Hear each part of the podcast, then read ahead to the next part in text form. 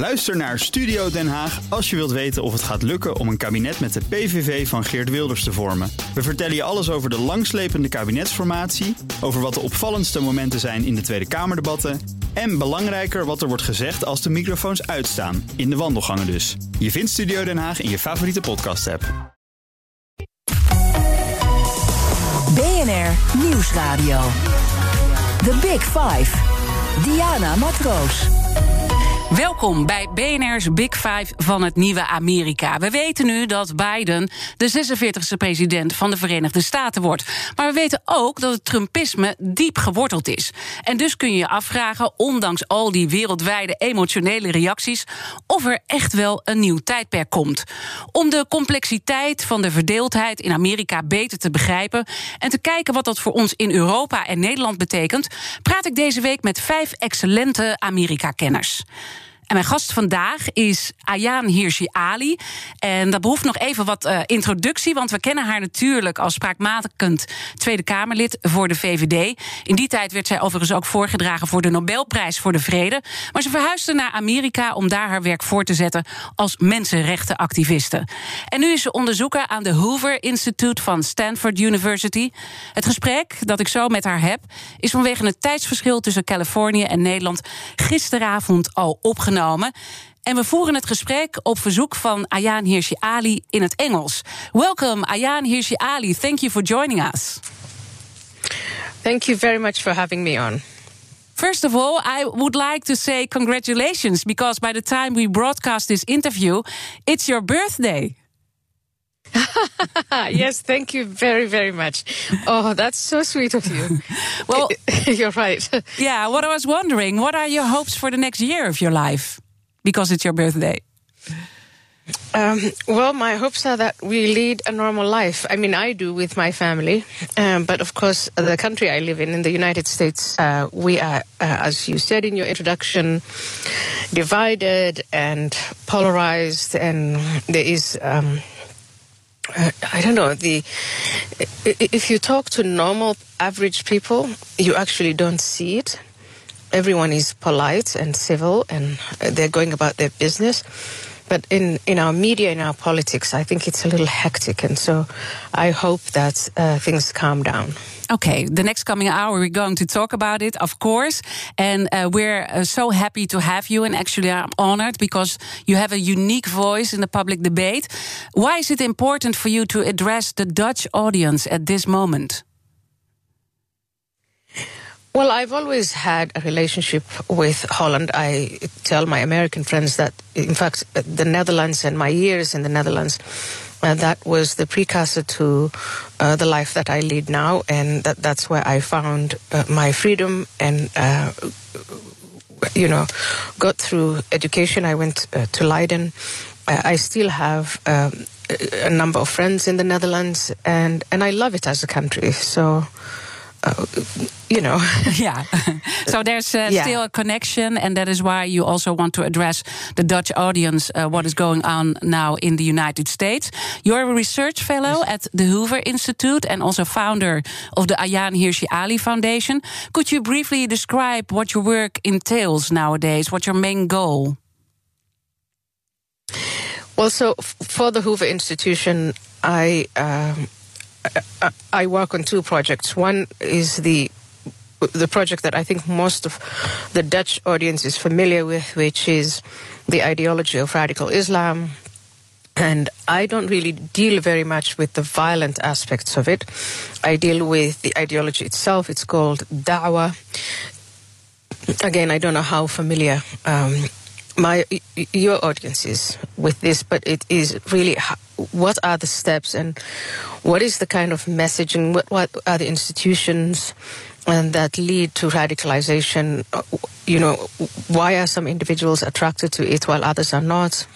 Mm-hmm. How big is the problem? Uh, and I think you can see what's going on in France, in Austria, in other parts of Europe, such as Germany, that if you focus only on terrorist attacks, you miss the big picture of what actually leads to these uh, terrorist activities. And um, I'm now also focusing on this brand new, it's not a brand new ideology, but you know, it seems like it's a brand new ideology because mm-hmm. a lot of people are becoming familiar with it now, which is what is called wokeism. And I think back in Holland we used to call it multiculturalism, we called it uh, uh, moral relativism, but it was an ideology back then that only seemed to affect the relationship between the host society and immigrants. And now it has spread to, in, at least in the United States, uh, uh, to uh, beyond minorities, and it's engulfing. Yeah. Uh, so this worries you, uh, of course. Yeah.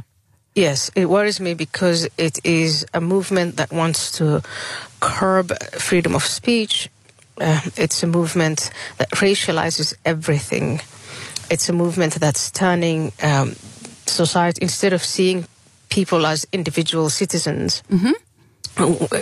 It's trying. What they're trying to do is, uh, you know, divide society into groups, and then these groups are supposed to have only one relationship, and that is a power relationship. And in that power relationship, it's a zero sum game. And uh, it, it's very interesting. Um, but it's also fascinating that it's now become, especially among millennials, uh, something of a cult. And and when you uh, look at the millennials, because you're very worried about the groupthink uh, we have, and you also compare it with the the tribes that you uh, yeah also brought up with uh, in Somalia. Uh, yes. what what what do you see when when you see the young people now? Um, what were, and I have to, first of all, I have to state very clearly, it's not all young people. Mm-hmm. Uh, at the University of Stanford, what I see is that most kids, most students are just going about their daily business. They're focusing on uh, what they're, whatever it is that they're majoring in. Um, but there is an undercurrent where many students say they actually don't feel comfortable talking about their views, sharing their views we are being subjected to uh, exercises called racial bias training or unconscious bias trainings. And what all of this tells us is, and here's why I, I uh, compared it to tribalism is, for me, what makes a liberal society with a constitution different from uh, illiberal ones or tribal ones is that we start with the individual. We say we recognize the individual, and that, that's where our common humanity begins. And here, uh, the adherents of this ideology, like uh, this woman called Robin DiAngelo, this guy called Ibram X. Kendi, they're saying that's not how it works. Um, when you talk about individual responsibility, you're really covering up for racism there are collectives that have been oppressed and there are collectives that are oppressors. So, for instance, all white people are supposed to, supposedly racist and all black people are supposedly victims. So, and the Western, uh, Western culture is all about uh, the uh, white people doing bad things to the other people. So that's the group thinking that you describe. That is the group think, yeah. That is the group thing. And so they never mention what about all the good things that white, th- white people have done? What about all the white people who uh, fought and died? Again, they died fighting slavery. They died, they fought and died uh, fighting for desegregation. And, uh, yeah. You know, uh, so uh, this whole take dividing society into groups and then assigning these groups traits that uh, they are not allowed to escape out of reducing human relationships only to one of power, whereas I think human relationships are very rich and very complicated. Mm-hmm. Um, anyway, it, it's unfortunate that uh, a, a larger number of young people have now fallen for it, and we have institutions like the New York Times. Um, you know, some of the other cultural institutions, Hollywood, the campuses, and now even corporations, where um, young people are using uh, this ideology to silence people they don't agree with. Yeah, you also refer to the to the media. I would like to read a tweet you sent out in June, and that provoked much criticism. Uh, you uh, then stated what the media also do not tell you is that America is the best place on the planet to be black, female, gay, trans, or what have you. We have our problems and we need to address those, but our society and our systems are far from racist. Can you imagine uh, people feel like you're denying racism? I mean, I can imagine that. Of course, I can imagine it. Also, they tell me you are denying racism. There is racism, and so on and so forth. I am not denying the existence of racism. I think there are racists in the United States of America, as there are racists in the Netherlands. But I think that that is a small group of people.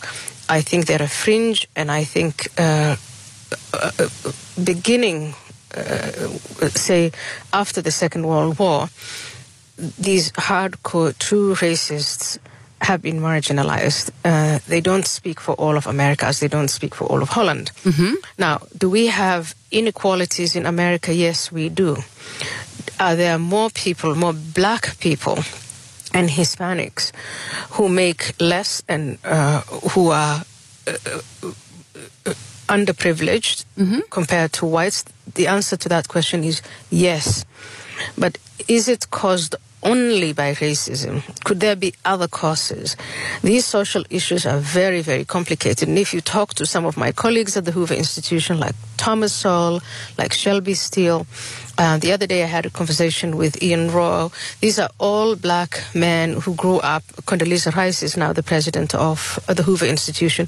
When you talk to these people, they will explain to you that it really is not only caused by race. Yes, there is a racial component, but there are other things as well. And it is very important for us talk about these other variables yeah. if we want to close this gap of inequality. Okay, it it concerns uh, you, and um, then on on the other hand, you also uh, stated that, of course, uh, that there are problems when it comes to uh, minorities in the United States. Yes. Uh, uh, for example, research shows that 24% of the people that died of police violence in the USA were black, and the black population is only 13 percent. So uh, forty percent of the prisoners is uh, black. So we can see that there is a problem when it comes to racism as well, and we also know uh, that, that what happened with George Floyd. So you're not denying that.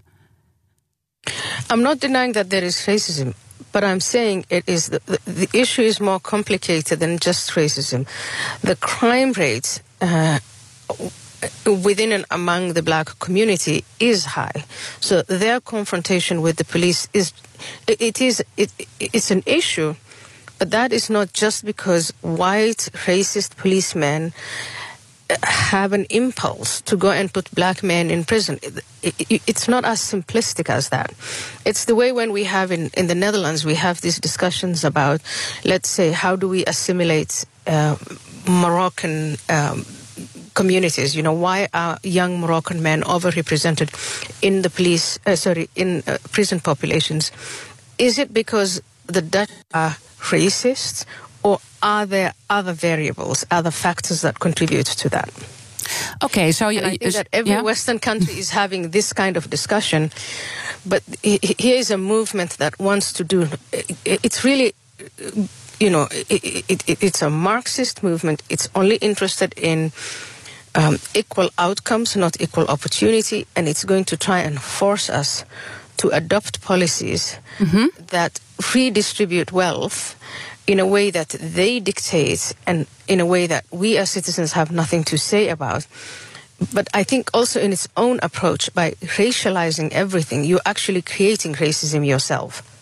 Why? Because if you say every problem that we have is race based, you make people who are totally oblivious to their skin color. Uh, you, you, you, convince some of the black people that they're victims of racism. You convince some of the white people that, well, uh, if my entire heritage is racist, I might just as well be. It, the logic of, have, of dividing society into collectives that are on war footing with one another in my view, is immoral, it's wrong, and it's going to lead to the exact opposite of what they say they want to achieve. Yeah. Uh, so um, uh, this worries you, and I know you also have two children. They're uh, very small, and they have also uh, a black skin. Uh, what do you tell mm-hmm. your children? Uh, the, the, one of the two is very little, but but the the the the, the, the one of eight years old. What do you tell your son? I tell my son that the most superficial trait he has is his skin color. It's the least interesting part. What is most interesting is his his character and developing that. Mm-hmm. His education. We, when when I talk to him about his future, what I ask him, what are you passionate about? What do you want to do in life? Uh, we teach him all about being kind and generous and good and being a good citizen but most of all being responsible. The kind of fights I have with my son is when he says, uh, I didn't do it, you know, it just happened to me. It's like, no, you have to take responsibility. You have those conversations. Now, the conversations of that I think you also have with your children and any any caring parent would have with their children is that you learn individual responsibility, that you learn to postpone your gratification. Yeah. That you learn to be polite and kind to others. That you work hard. And it, and and it's and, and it's no uh, and it's uh, not an option to think in the oppressor and, and the ones being oppressed. It, that's not an option. But everything I told you just now has been condemned as whiteness by these individuals like DiAngelo and uh, Ibram X. Kendi, the people who are pushing the woke ideas.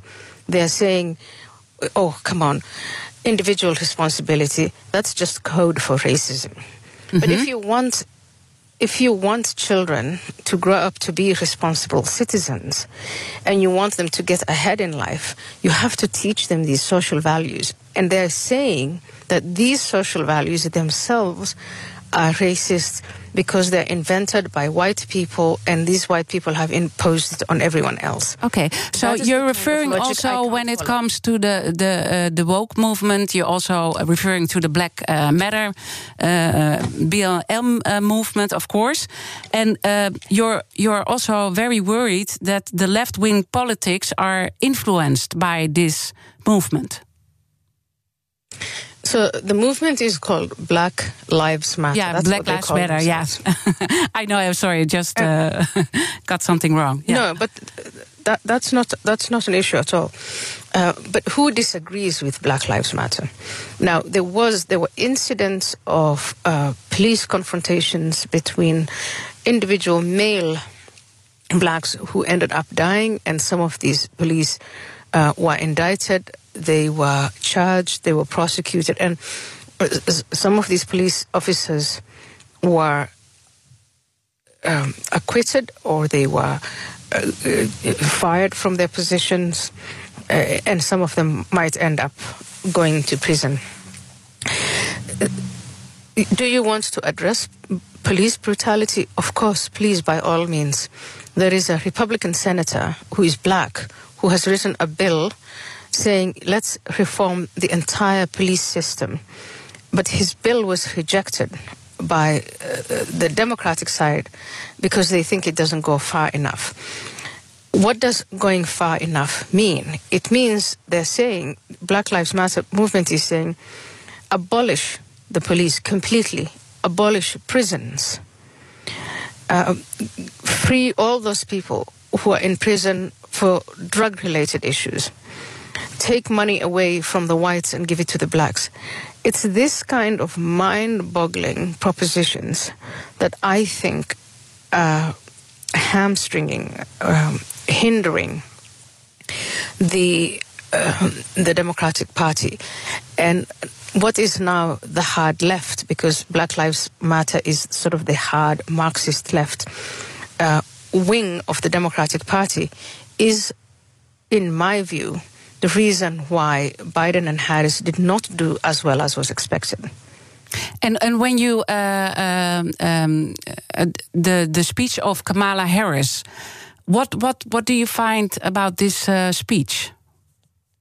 I think both speeches were fine. Mm-hmm. Biden's speech and Harris's speech, that was all fine.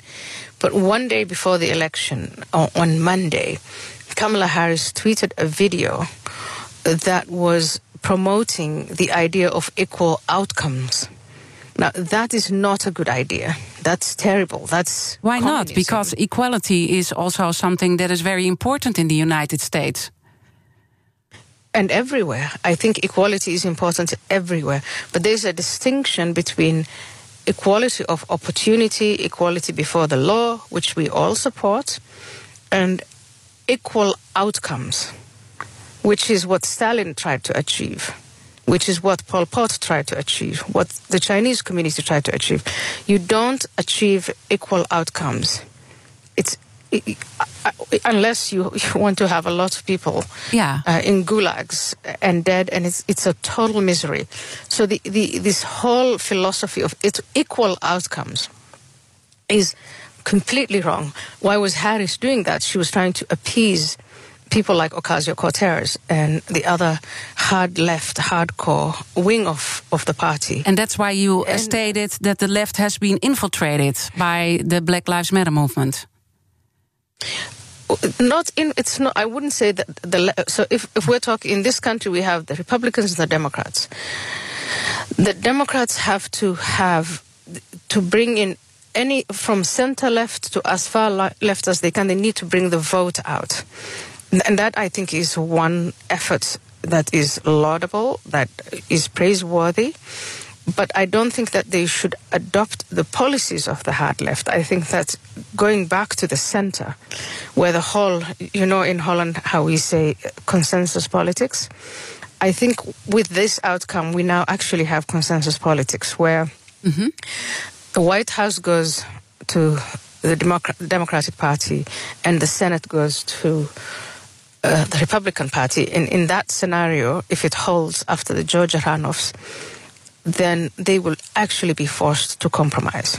And uh, uh, I know that you voted for Hillary Clinton in 2016, so uh, you voted for the Democrats. Did you vote for them also this year? No, I left it blank. You left it blank, so uh, because you're a registered yeah. independent. Yes. so, so you didn't vote for Kanye West. no, no. You, you, if you look at the ballot, you don't have to do that. Oké, okay, so you voted uh, blank. Um, ik ben benieuwd hoe Ayaan Hirsi Ali kijkt naar de Nederlandse politiek. Worden we hier volgens haar ook gegijzeld door radicale minderheden?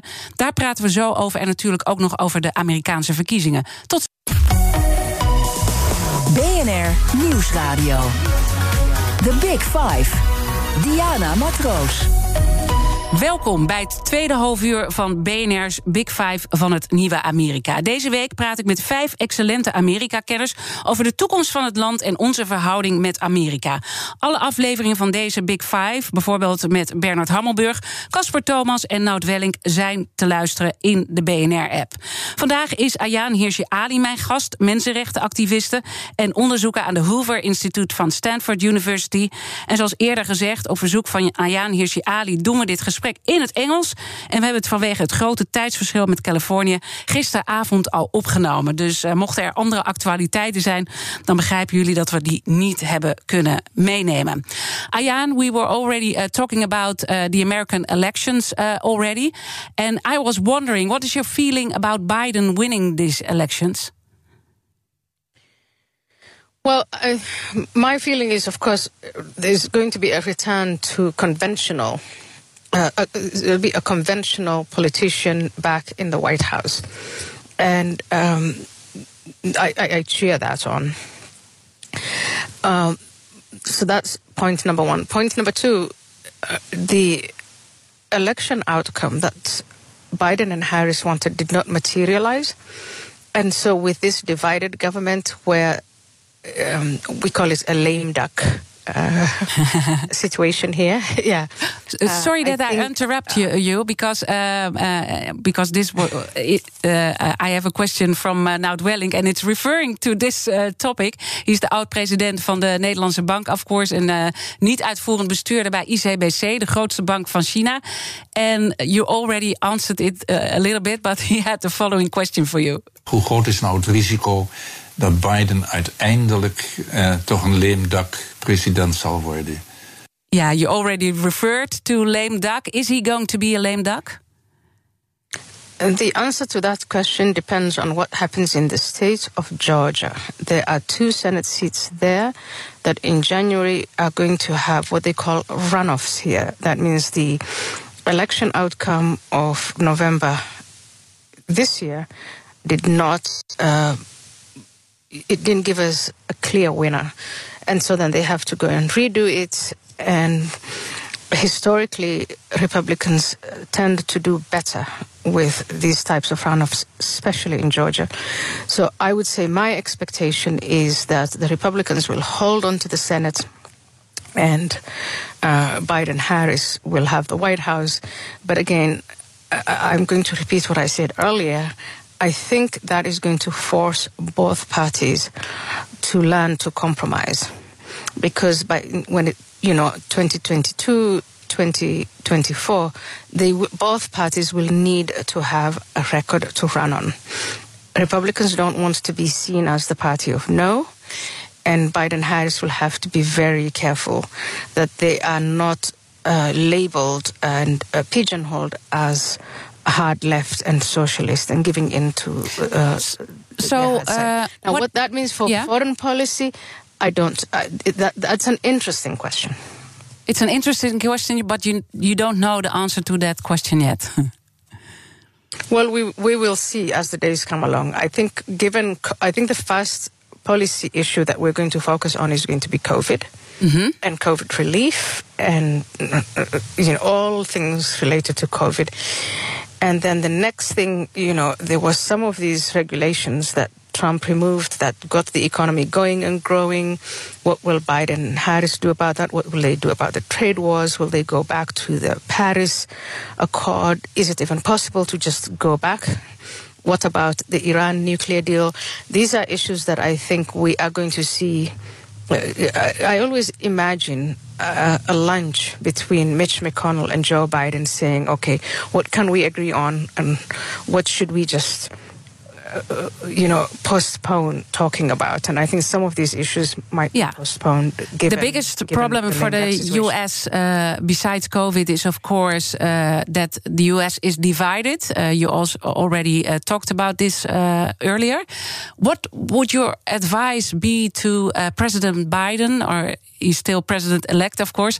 What what your would your advice be? My advice would be pick three things or four things that you can find um, common ground with the Republicans and get them done. Infrastructure, I think the COVID relief is one of them.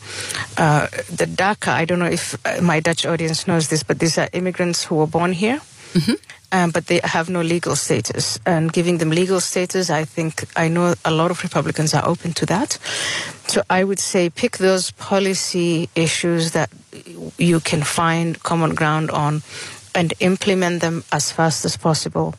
And uh, after the 100 days, which that's the end of the honeymoon, yeah. then I think the, the real infighting can begin on both sides. But get you know get as much done as you possibly yeah, but, can. but but but when it comes to the American people, because we addressed already, they're so divided uh, now at this moment, and Trumpism is isn't uh, going to disappear, and also Trump he doesn't want to give up uh, still. So this can also be have uh, can have a negative effect. How should uh, Biden cope with this?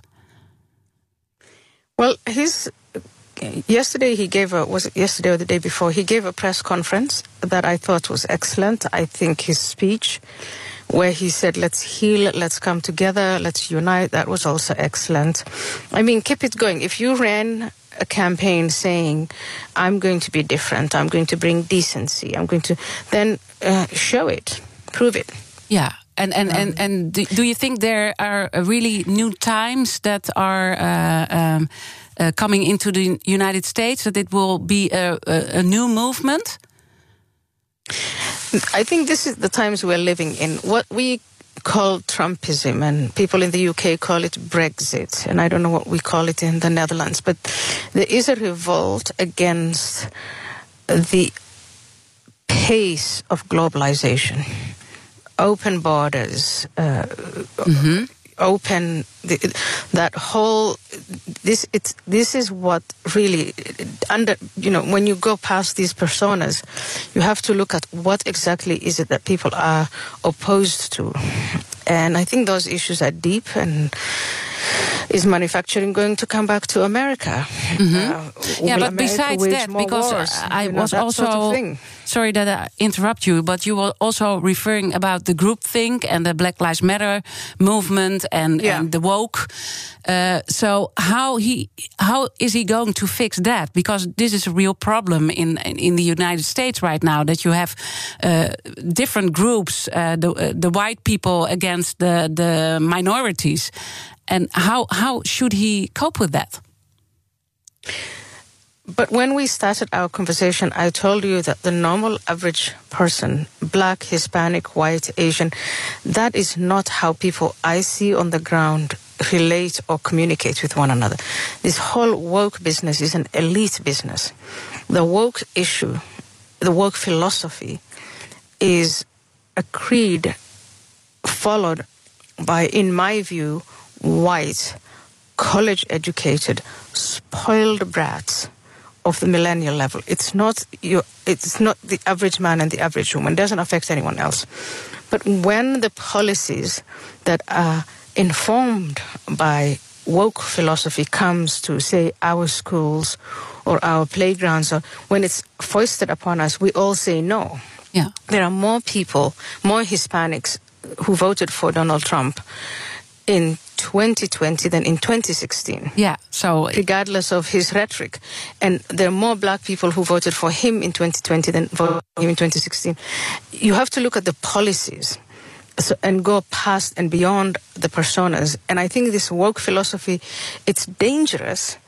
Uh, but Why? you can easily defeat it. It's dangerous because it closes the mind of the young and the leadership it's dangerous because some. But also, it's dangerous uh, uh, for the institutions uh, you addressed uh, yes, earlier. Yes. What, what, are your worries yes. there? It's gaining it. It's gaining institutional ground. We're getting these uh, dumb racial uh, bias trainings in nuclear facilities all over the government. The military is getting it. We're getting it in the universities, and so I think, in a sense, that you then create an atmosphere where people are just not they don't feel free to share what they really think. Yeah. And, and that's not that's not a liberal society. That if if you're afraid of saying what you think, then you know that's dangerous. Yeah, I I, I. I, know you you uh, stated earlier that uh, you chose to uh, you went to America because you um, this this is a land of uh, ideas about uh, liberty and the pursuit of happiness. Are you, um, yeah, disappointed? What's going on now? No, and I, and I also have to say I was perfectly happy in Holland, and I, I could say perf- whatever I wanted to say. But in the when you are a member of parliament, you are a part of that caucus, and you are obviously not free uh, to go around and say whatever you want to say because you speak for the whole party. Uh, I went to America because in 2006, my neighbors kicked me out of my house by going to court and at Hof, uh, the appeals court, agreeing with my neighbors and saying, get out. And so a normal life for me was made impossible because of that situation. I didn't go to America because I thought uh, my freedom of speech in Holland was threatened. I didn't feel that my freedom of speech in Holland was threatened. Mm -hmm. But you like the idea of uh, the United States um, because of its liberty and and and the, the it's the land of that they have ideas and and, and now you stated it's completely different. Yeah, yes, I, lo- I love America. I love Holland. On a personal level, I went, of course, because I was seeking, as you remember, personal anonymity, and and I, have anonymity in in in the, in the United States. No one knows who I am when I'm walking on the streets. It, it's it's perfectly fine. It suits me. Uh, but in both, uh, as a citizen, uh, both in the Netherlands and here uh, in America, I feel engaged, and I think that in in the Netherlands, I recognize the threat of the failure to integrate immigrants and the threat from radical Islam.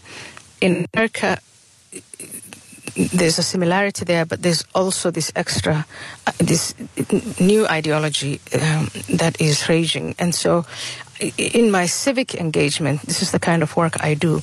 But I'm leading a perfectly happy life. Okay, uh, that's good to hear. That's good to hear.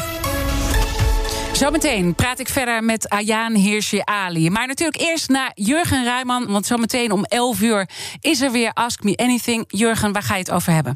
Ja. The Big Five. BNR Nieuwsradio. Diana Matroos. Je luistert naar BNR's Big Five van het nieuwe Amerika. Mijn gast is Ayaan Hirsi Ali, mensenrechtenactiviste en onderzoeker aan de Hoover Institute van Stanford University. Uh, we are already talking about uh, the Netherlands uh, already, and I was wondering, uh, when you look back, how did Donald Trump influence Dutch politics in your eyes? Well, I'm not sure he influenced Dutch politics at all. No. um, I I really don't know. I mean, I think um, if you look at um, issues such as how much does a certain country contribute to NATO, um, from what I remember, the Netherlands um, paid its contributions anyway. Mm-hmm. So it's countries like Germany, um, you know, Angela Merkel's relationship with uh, Trump was, I would say, they want the best of friends. Yeah. Um, but of course, but, I was uh, also uh, referring to uh, populism and Forum for Democracy and Geert Wilders have expressed their kinship uh, with Trump. Uh, so, what will this loss mean for them? That Trump is no longer the president from January but Geert Wilders was there before Donald Trump, and populism in Holland was there before Donald. Don't you remember Pim Fortuyn? Yeah, yeah, yeah. I, I sure I remember so, him. I never forget him, of course. so I there know. will be no effect. I would say they might have tried to, you know, copy some of the tactics um, and some of the campaign. Uh, strategies, uh, but knowing the Netherlands, I, I think the Dutch people, the Dutch average person is a person of common sense and they're not going to run after shiny objects. And they'll, the, the Dutch will always do exactly what is in, in their interest. Yeah. And, um, but of course, uh, that all yeah, of course, we also have the Black Lives Matter movement here in uh, the Netherlands, and that was inspired also with the Black Lives Matter movement in the U.S. So. Um, uh, do you have the same criticism? That was before that was before that. It was it, it's we had we didn't have Black Lives Matter, but we had these uh, to me remarkable conflicts about uh, Claus and yeah. who, who's the little black guy who goes with Santa Claus? What's his name? The Gollywog. Is Zwarte Piet? Yeah. Yeah. Zwarte Piet, yeah. We used to have the Zwarte Piet uh, disputes, which were more entertaining than politically consequential. Well, it's not that entertaining any, anymore. Uh, during the years, it get uh, it is getting more aggressive from both sides. So, how do you view on the discussion around Zwarte Piet um, at this moment? My view is we should not give up these traditions like uh, Sinterklaas and Zwarte Piet, these were there uh, hundreds of years old. And so I would make a cultural argument to say, don't give in. Because today, uh, here's what I'm seeing in America. Today they'll come for Sinterklaas and Zwarte Piet. And tomorrow they will say, okay, we have to pull this statue uh, because, you know, the, the guy from 600 years ago, he had slaves, things like that. So my attitude, but I'm not a policymaker in the Netherlands and I'm not a policymaker in the uh, United States of America, would be to take the position that Macron, the French president, took, which is we are not going to do away with any of the symbols of the republic. Yeah. Full stop. Okay, but but on on the other hand, there are a lot of uh, uh, children that have a colored skin and they're uh, very de depressed about uh, Zwarte Piet. So this really affects uh, those kind of of, of uh, children. Um, this is But you also. see, I want to stop you right there. Okay. I want to stop you right there Yeah. and tell you that is absolute nonsense. I have a black skin and I came to the Netherlands and I dressed up as a Zwarte Piet and I loved it and I enjoyed it. It's fun. And to, to be told, to tell the wider society that black children are getting depressed because of Zwarte Piet is pure rubbish, which you should never entertain. But but Absolutely but, but uh, entertain. They are when we go they to have the no idea they, Yeah. they are not politicized. they they love it's it's a lovely it's the sweetest holiday. If you ask me what do I miss the most about Holland, I will say it's Sinterklaas because it's so sweet and so innocent. Yeah, but, but, but when you go to the United happy. States and uh, when when uh, people of the United States visit uh, uh, the Netherlands. Uh, they are shocked when they see uh, Zwarte Piet uh, here. Because black facing is, uh, as you know, it, it, it's no go in the United States. So you love the, the, the, the, the United States, and and I'm I'm really a bit uh, yeah But confused what you're saying now. Love. I don't live. I don't believe in blind life. And when they talk about uh, my my job then is to explain to them what it is. It is like Halloween. It's like any of these children's holidays. My children love Halloween.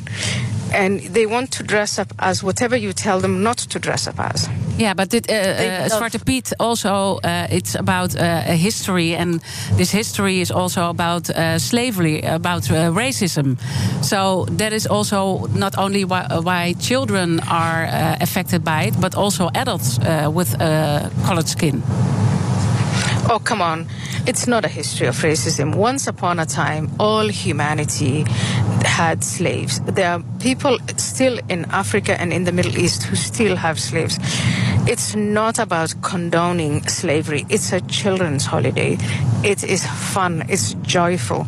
And here's where you are going to get into trouble with giving in to the woke. They want to abolish all things joyful, all things of fun, everything. They'll find they found fault with Shakespeare. They think, uh, you know, reading Homer and Plato is racist. We, it it's just this is so incredibly maddening and dumb and if you go if you give in so now you give in to Sinterklaas and say okay we, we can get rid of that and they'll come for the next thing they'll come for the next thing please i hope that the dutch as a society just say we are going to have Sinterklaas whether you like it or not the poetry the Zwartepiet, uh, the letters the chocolate letters all of it Yeah, well, uh, and if they don't if the dutch don't i will Okay, that that uh, that is your uh, opinion. Your former party is, of course, uh, the VVD. In their la- uh, last election program, they seem to leave neoliberalism behind when it comes to economic policies, but their stand on immigration politics is still strict. Are they still truly liberal in your eyes? I've not been following what's going on in the VVD. Um, to be quite frank with you, I don't think they should abandon economic liberalism. Um, I, I think they should continue to stand for the economics of growth. Um, immigration is complicated and no one has got it right. No country that I know of has got immigration right. Oh, It's not bless COVID. you, bless you, bless you. Thank you. It's not COVID. no. Um, so I, I really don't know. I don't know what to say about uh, their policies. All I can say is when I left Bless the you country, it again. was Uh, that was three times, eh? So it's going to Yeah, be so beautiful it's- weather yeah. on your uh, uh, birthday. I hope. Thank you. When I left the country, it was all unstable. Cabinets were falling, and now it seems as if uh, what's his name, Mark Rutte, is holding it together uh, um, for what? Uh, how long? Four years at, the, at a time, uh, and that that's stability. That's good. Okay, uh, you should compliment leaders when they do a good job, and I think the longer a cabinet lasts, um, you know, the more points you get. Yeah. Uh, the, the last uh, thing we have to do is to uh, de kettingvraag again. Because mijn gasten stellen elkaar vragen. En maandag begint Art Rooijakkers aan een nieuwe week. BNR's Big Five van de ruimtevaart. Zijn gast is Jeroen Rotteveel van Easy Space in Delft. ze zijn een wereldmarktleider op het gebied van satellieten... ter grootte van een pak melk. En Ayaan, you may leave a question for him. What would you like to ask him?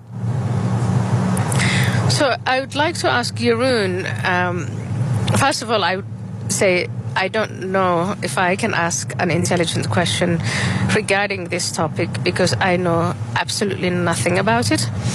But the one question I would like to ask him would be um, how, in the 21st century, a, a passenger airplane can disappear without any trace and his line of work and all these satellites is it something that is it something he can explain and is it something in the future that can prevent uh, such phenomena from happening Okay, thank you for that uh, question, Ayaan, and thank you for joining us, uh, Ayaan Hirsi Ali.